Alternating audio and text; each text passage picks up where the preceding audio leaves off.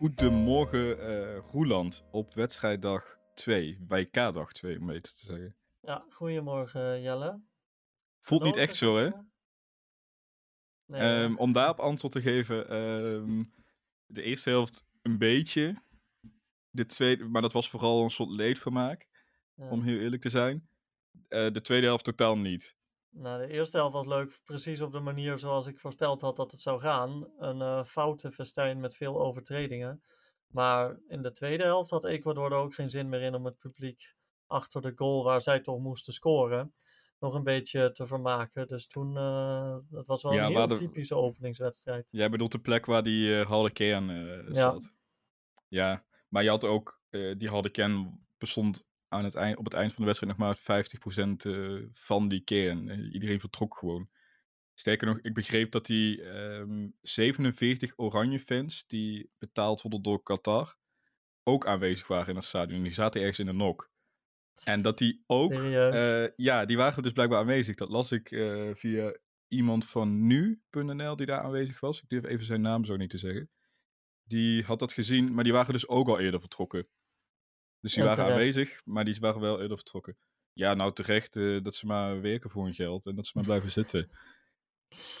nee, alle ja, nee, terecht. Ja, maar nee, die zal dat zij ook daar zitten. Ik gun ze geen, uh, geen spectaculair voetbalvermaak, als je het zo stelt, ja. Ja, dat gun ik ze dus in een select aantal wedstrijden. Want ik hoop dat er wel gewoon bij Nederland wat, uh, wat gebeurt. Uh, maar die 47 personen, die gun je niet per se, inderdaad. Goed, die wedstrijd eindigde dus een 0-2 in het voordeel van Ecuador. Dat kwam voor mij alsnog best wel onverwacht. Want ik had echt wel wat verwacht van Qatar. Ik ook, ja. Mede door al die voorbereidingstijd. Ja, totaal. En niet alleen die keeper. Uh, dat hele elftal wel. Uh, Inclusief uh, Ali, Aviv, uh, noem de jongens maar op die dat wel zouden Ali, ja. Ja. en, en ik noemde in de, onze preview Hassan Al-Hedous als um, eigenlijk een van hun sleutelspelers, maar die was misschien wel de allerslechtste op het veld. En die werd er toen afgehaald, volgens mij voor een centrale verdediger in de tweede helft.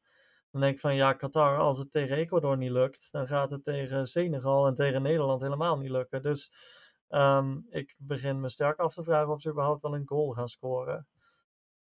Dat vraag ik me op dit moment ook wel af. Heel erg af. En misschien was de spanning, zat daar wat achter.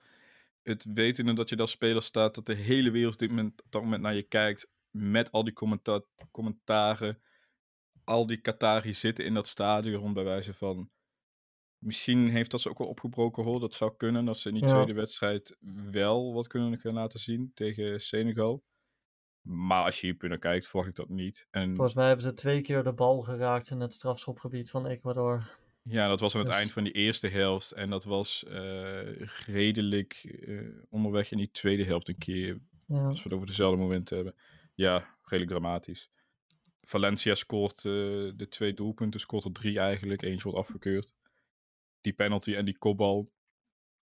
Um, laat ook zien waarom de coach van Ecuador voor deze wedstrijd switchen naar een 4-4-2. Want in die hele voorbereiding en dergelijke speelden ze gewoon een 4-4-3. En dat waren niet bepaald doelpunten, Verstijnen. Zei ik 4-4-3? Ik bedoel 4-3-3. Maar goed. Ja. Nee, dat waren alles behalve doelpunten, Verstijnen. En sterker nog, daar scoorde Valencia geen enkele keer in. En nu ja. schiet hij er twee in in die 4-4-2. Omdat hij daar natuurlijk ook aan gewend is bij uh, Fenerbahce. En daar, daar uh, in 12 wedstrijden 13 keer scoorde. Ja, ja ze verrasten, ondanks dat zij ook niet heel goed waren, verrasten ze mij nog enigszins positief. In de eerste helft wel. Leuk voor Valencia dat hij twee keer scoort. En die keeper van Qatar, Saad Al-Sheep, die gaat denk ik niet de Golden Glove voor beste keeper van het toernooi winnen. Maar dat gezegd hebbende vind ik dat we het eigenlijk al te lang hebben over, over die wedstrijd. Want het was natuurlijk een, een bandvertoning. En ja, volgens mij zijn er interessantere dingen gebeurd op het WK van uh, eh, 1998 zijn er in de groepsfase we maar liefst drie bondcoaches ontslagen. Zou het met deze coach kunnen gebeuren van uh, Qatar? Um, ik bemerkte bij Qatar toch vooral een soort berusting toen het misging. En volgens mij moet er meer frustratie zijn om je coach te kunnen ontslaan. Dus volgens mij zit hij tot in elk geval aan het einde van de wedstrijd tegen Nederland nog wel op zijn plek. Maar uh, ja, je gaat ook niet na dit WK nog een soort zieltogend, doelloos Qatarese elftal begeleiden, zelfs niet voor een, voor een hoog bedrag. Dus die gaat sowieso wel weg. Zelfs Bert van Marwijk zou zijn te zeggen van, nou, dat ga ik Zelfs Bert van Marwijk. Zelfs ja. Bert van Marwijk. Viel jou iemand nog op? Want mij viel ehm, Jackson Mendes nog op, de middenvelder daar. Is nog wel een speler die ik in die eh, volgende twee wedstrijden, tenminste minstens volgende twee wedstrijden van Ecuador in de gaten gehouden. Nee, mij eigenlijk niet. Eh, behalve Arno Vermeulen, die eh, in negatieve zin uitblonk in zijn uitspraak van Ecuadoraanse achternamen. En ik hoop dat hij geen wedstrijden van Ecuador meer hoeft te doen. Nou ja, ik denk dat hij dat wel heel graag wil, want hij had zich wel tot in de puntjes voorbereid en had over iedereen wat te vertellen. En elke speler die voor de eerste keer aan de bal kwam, dan haalde hij snel eh, dat naampje naar Ja. voren en alle info die hij daarbij had. Elke keer dat hij Hinkapie zei, stierf er toch iets in mij. Ja, Maar goed, over, over doodgaan van binnen gesproken. Volgens mij kunnen we het veel beter over Infantino gaan hebben. Ja, wil je gelijk losbranden of zal ik eerst even iets laten luisteren en om Laat, dan laat als losbranden? refresher toch nog maar even luisteren. Uh, Qatari. Today I feel Arab. Today I feel African.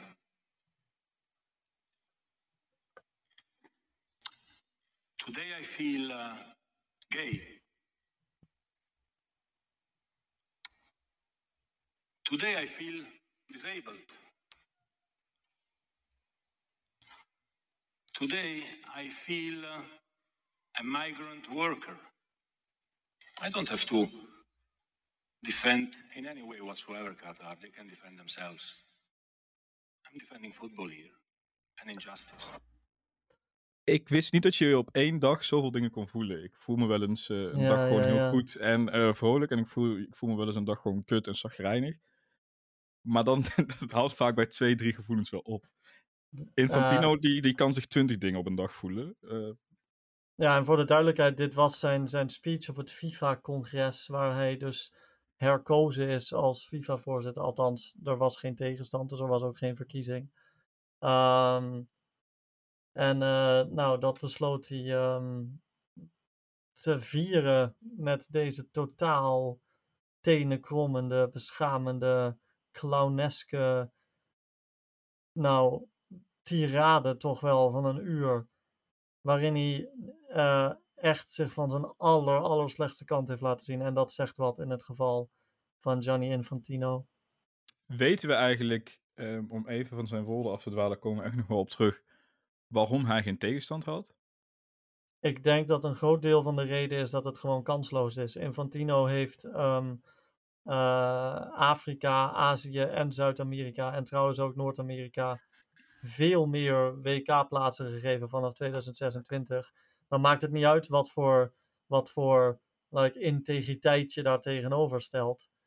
Infantino wordt gewoon herkozen. En ik denk dat iedereen die het misschien overwogen zou hebben, daarnaar gekeken heeft en gedacht van ja, ik kan daar wel tijd en moeite in steken. Maar zijn, zijn herverkiezing is gegarandeerd. En dat was natuurlijk ook zo. Ja, die hebben allemaal nog een keer FIFA Uncovered gekeken op Netflix en gedacht van, hé, hey, dat wordt vrij kansloos. Ja, Goed, Ja, zijn en- woorden dan. het, eh, het, het, het is sowieso ongelooflijk dat, dat iemand, of hij zelf, of zijn tekstschrijver dit dus opgeschreven heeft. En dat niemand gezegd heeft, Gianni Lievert, misschien moet je dat niet zeggen. Ehm, ik denk dat, ehm, dat hij die tegenwoordigheid van geest gewoon niet heeft. En het is ook wel opvallend. ehm, ja, is het opvallend? Kijk, de FIFA staat al, al sinds ik het voetbal volg en zelfs daarvoor al onder continue druk. En ze moeten vaker kritiek pareren, maar met de overweldigende verontwaardiging en, en nou, terechte kritiek die dit WK heeft opgeleverd, had ik toch wel een iets meer ehm, pacifistische approach verwacht van de FIFA zelf. En ik denk dat als Infantino daar was gaan zitten, de ehm, herkozen voorzitter, en een, een reden was gaan voeren over ja, ehm, niet alles is hier goed gegaan en we zijn echt ermee aan, uh, aan het werk. En we, welkomen alle terecht, we verwelkomen alle terechte kritiek, maar er zitten ook een hoop fabeltjes tussen. Dat zou dan denk ik een soort, dat zou dan lijken op wat hij zou zeggen. Dat hij daar een stuk meer sympathie mee gekweekt zou hebben dan met deze volstrekt, ja, het was echt het, het laagste van het laagste. Wat een snoeshaan. Maar hoe probeer dat eens te verklaren voor mij? Want ik probeer daar, ik, misschien dat jij het ook niet kunt hoor, maar ik zit al het hele weekend een beetje over na te denken. Van hoe kom je op die woorden en hoe kun je daar. Zeg nou, maar, denk je dan daarna nog over na als Infantino zijnde van hey, krijg je dan mee bijvoorbeeld zo'n mediastorm? Het verschijnt overal op alle social media die er maar bestaan, zolang ze nog bestaan. Ja. Twitter. Maar overal komt dat op. Overal wordt dat miljoenen keren bekeken. Overal zijn zowat alle commentaren daarop hetzelfde. Ga je dan met een bepaalde druk naar het stadion gisteren uh, bij die openingswedstrijd? Of zou je echt zo ver van alles en iedereen verwijderd zijn dat je dat totaal niet meekrijgt en dat je in een totaal andere wereld leeft? In het geval van Infantino sowieso dat laatste. Dit is dezelfde man die opgeroepen heeft tot vrede in Oekraïne tijdens het WK. Ik bedoel, hij denkt dat hij een soort Desmond Tutu is of zo. En dan, maar ik kan er sowieso al totaal niet tegen, die dan, tegen mensen die dan zowel Rusland als Oekraïne vragen om om vrede te zeggen. hey, Oekraïne, kap even met je land verdedigen gedurende dit voetbaltoernooi. wat is dat? Ja, het is hem volledig naar het hoofd gestegen. En wat, waarom hij dit zegt betreft, kan ik dat wat hem persoonlijk betreft niet helemaal peilen. Maar als je naar, naar de FIFA als geheel kijkt, ehm, zie je wel dat waar, waar gastlanden normaal gesproken overgenomen worden door de FIFA voor een maand tijdens een WK dat hier in Qatar zeker niet het geval is. Nou is dus toch weer uh, alcohol verboden in de stadions, vlak voordat het toernooi begon. Nou, dat zou in geen enkel ander gastland gebeurd zijn. Um, en Fans van Ecuador schreeuwden nog om bier, hè? Op wie ja, beer. inderdaad, inderdaad. Nou vind ik persoonlijk um, dat een van de alleroninteressantste dingen aan dit hele toernooi, als je, als je het niet anderhalf uur naar je zin kan hebben zonder bier, dan hoor je in een... Um, in een uh, afkeerkliniek thuis en niet in een voetbalstadion. Maar um, je nou ook, ik wil het zo meteen nog even over die One Love aanvoerdersbanden hebben. Dat is daar ook een, een voorbeeld van. Die, die Infantino is gewoon, hij lijkt wel een soort van gebrainwashed te zijn of zo. En dan schat ik hem ongetwijfeld te hoog in, als ik dat zeg. Ja, het is echt zo. En dat hij dan ook zegt van, ja, Europa zou eigenlijk eerst nog 3000 jaar lang zijn excuses moeten aanbieden voor wat het gedaan heeft, voordat het andere landen gaat bekritiseren. Luister, als Otto Adu, de coach van Ghana, dat zegt, dan is het een fair point wat mij betreft. Want, want hij voelt zelf de gevolgen van het kolonialisme als halve Ghanees. Maar als Infantino het zegt, gast, muil dicht. Like, dit is niet jouw verhaaltje om te vertellen. Je bent nou gewoon een voor jou je bent dan gewoon iets aan het opdreunen, iets aan het herhalen, wat mensen die er daadwerkelijk slachtoffer van zijn, zeggen. En je zegt het alleen maar omdat het jou goed uitkomt. En dat is, ieder, dat is duidelijk voor iedereen. Ehm, ja, hij heeft volgens mij een, een, het meest misplaatste Robin Hood-complex. De manier waarop hij praat over, over gelijkheid in voetbal en dat soort zaken. Maar hij is ook nog eens heel slecht in inschatten wie nou eigenlijk de arme burgers uit het dorp zijn en wie. Uh, de, de edel en de, de, de royals. Want het is natuurlijk uh, een totale. Een tota nou, ik noemde hem al een snoeshaan, een clown. Het is echt zo gênant.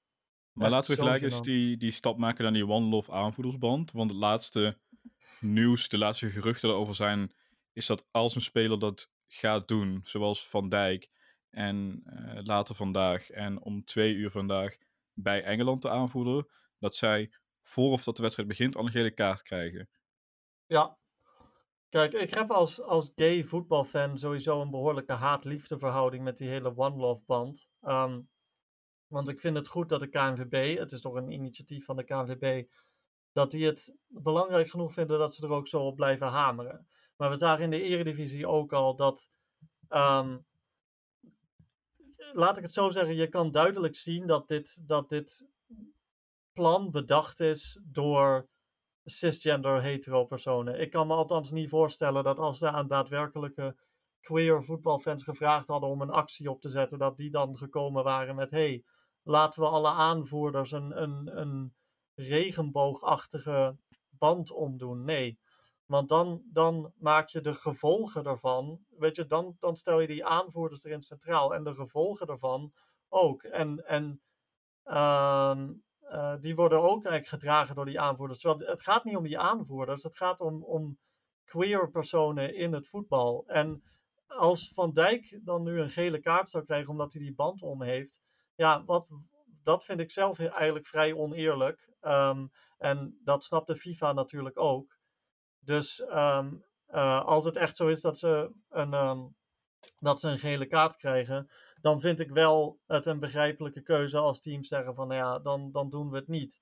Ja, wilde ik je net vragen inderdaad. Dan de meest logische reflex op dat moment is natuurlijk dan gewoon om te zeggen van ja, dan doe het niet. Want waarom zou je jezelf op die manier benadelen, terwijl je toch, zoals Louis van Gaal het telkens benoemd, voor het wereldkampioen gaat. Maar laten we wel wezen, gaat. Laten we wel wezen, dit is niet um, een, dit is, de, de FIFA verdedigt het volgens, volgens de Telegraph en volgens Beeld met hun, um, hun boodschap over politieke uitingen. Dat dat een regel zou zijn dat je daar een gele kaart voor krijgt. Als je dat doet. Nou, zal ik je een hele tirade over dat gezeiken over voetbal en politiek uh, en hoe dat gescheiden zou moeten blijven besparen. Maar um, dit, is niet, dit is niet dat. Want de spelers van Engeland hebben ook al aangegeven dat ze gaan knielen voor Black Lives Matter. Voor, uh, voorafgaand aan de wedstrijd tegen Iran. Wat ik goed vind. Uh, dan zou, maar dan zou eigenlijk alle elf zouden daar Precies, dan geel maar dan zou dus dat hele elftal geel moeten krijgen. En dan zouden ze, en dan de zouden ze starten met tien eh, man. Inderdaad. Dus daar gaat het niet om. Het is gewoon homofobie. Dat, het, is gerichte, het is een gerichte campagne tegen deze inclusiviteitsactie. En dat verbaast me niet van de FIFA. Het stelt me ook niet teleur, want ik, ik had eh, eigenlijk niks beters van ze verwacht. Maar ehm, eh, Ja, dat ze zo weinig self-awareness hebben, eh, dat ze nou dus bovenop alle controversie die er al is, ook al hier een punt van willen maken, dat is wel echt, het is nog erger dan ik dacht. De voetbalwereld is nog nooit op zo'n laag punt geweest als, als nu. Ja, we gaan het zien vanmiddag.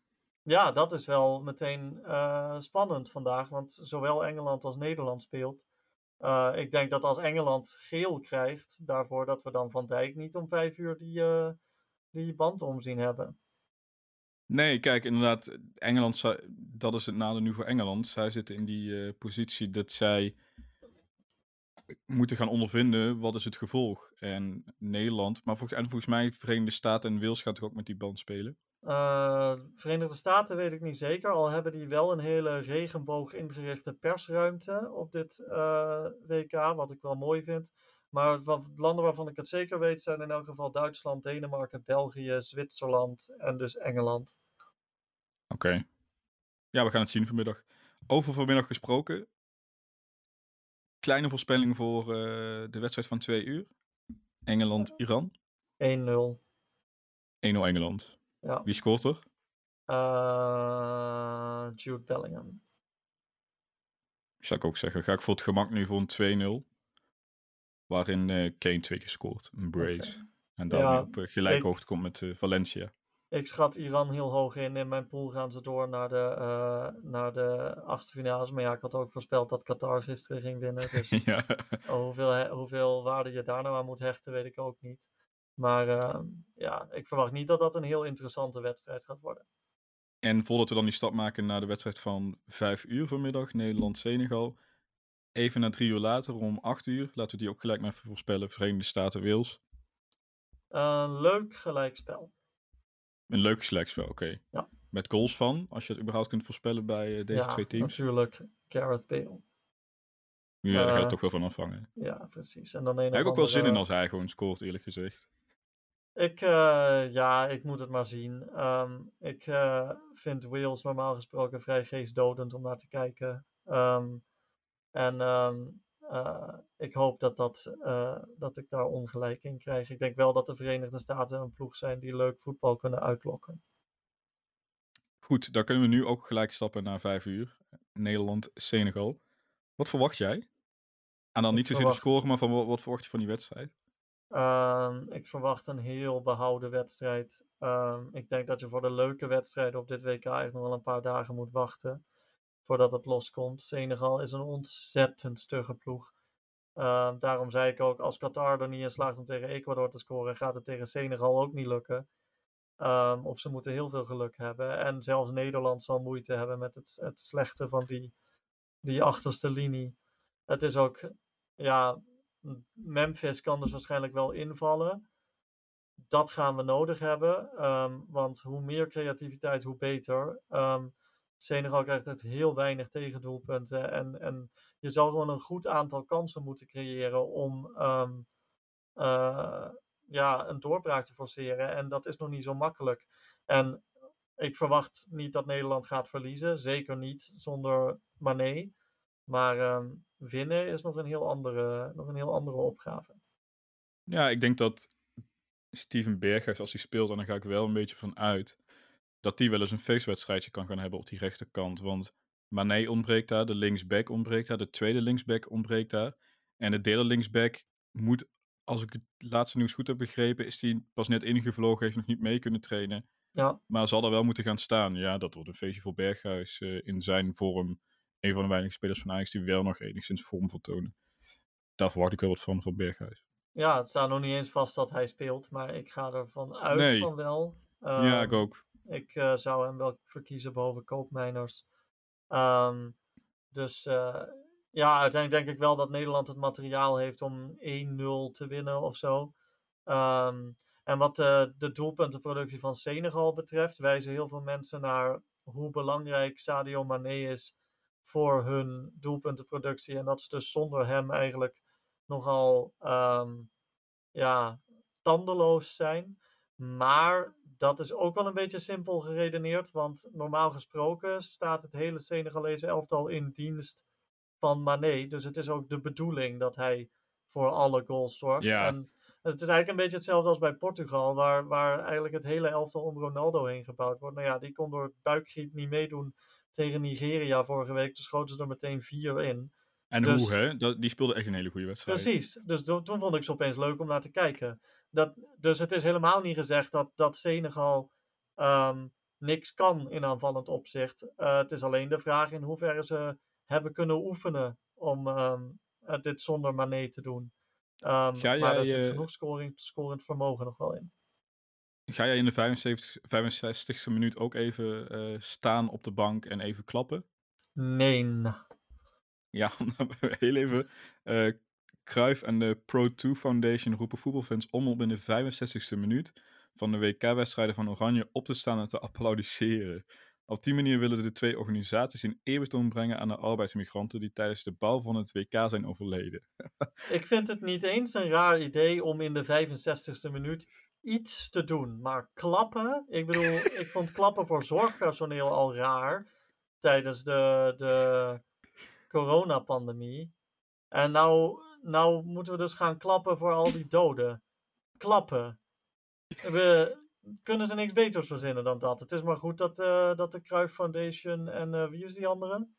De Pro2 Foundation. Nooit van gehoord. Maar die hebben geen, um, geen uh, geen macht over wat er gebeurt in dat stadion. en ik hoop ook dat het niet te veel wordt, uh, wordt opgepakt. Want je hebt goede vormen van zichtbaarheid en slechte vormen van zichtbaarheid. En dit is. Uh, nee, hier moeten we niet aan beginnen. Ja, en als het wel gebeurt, zul je niet eens horen of zien. Want dat wordt en uit beeld gehouden. En de aantallen aanwezige Oranje fans zijn zo uh, laag. Dat, ja, dat ga je niet eens horen, dat geklap, joh.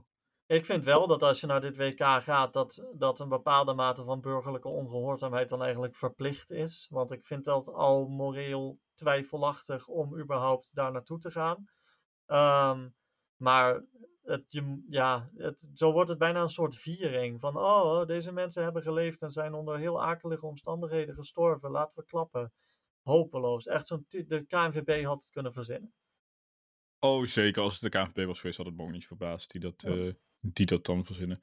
Om af te sluiten uh, voor vandaag wil ik nog heel even naar de saaiste discussie wat mij betreft ooit, want dat weet je, de keeperskwestie.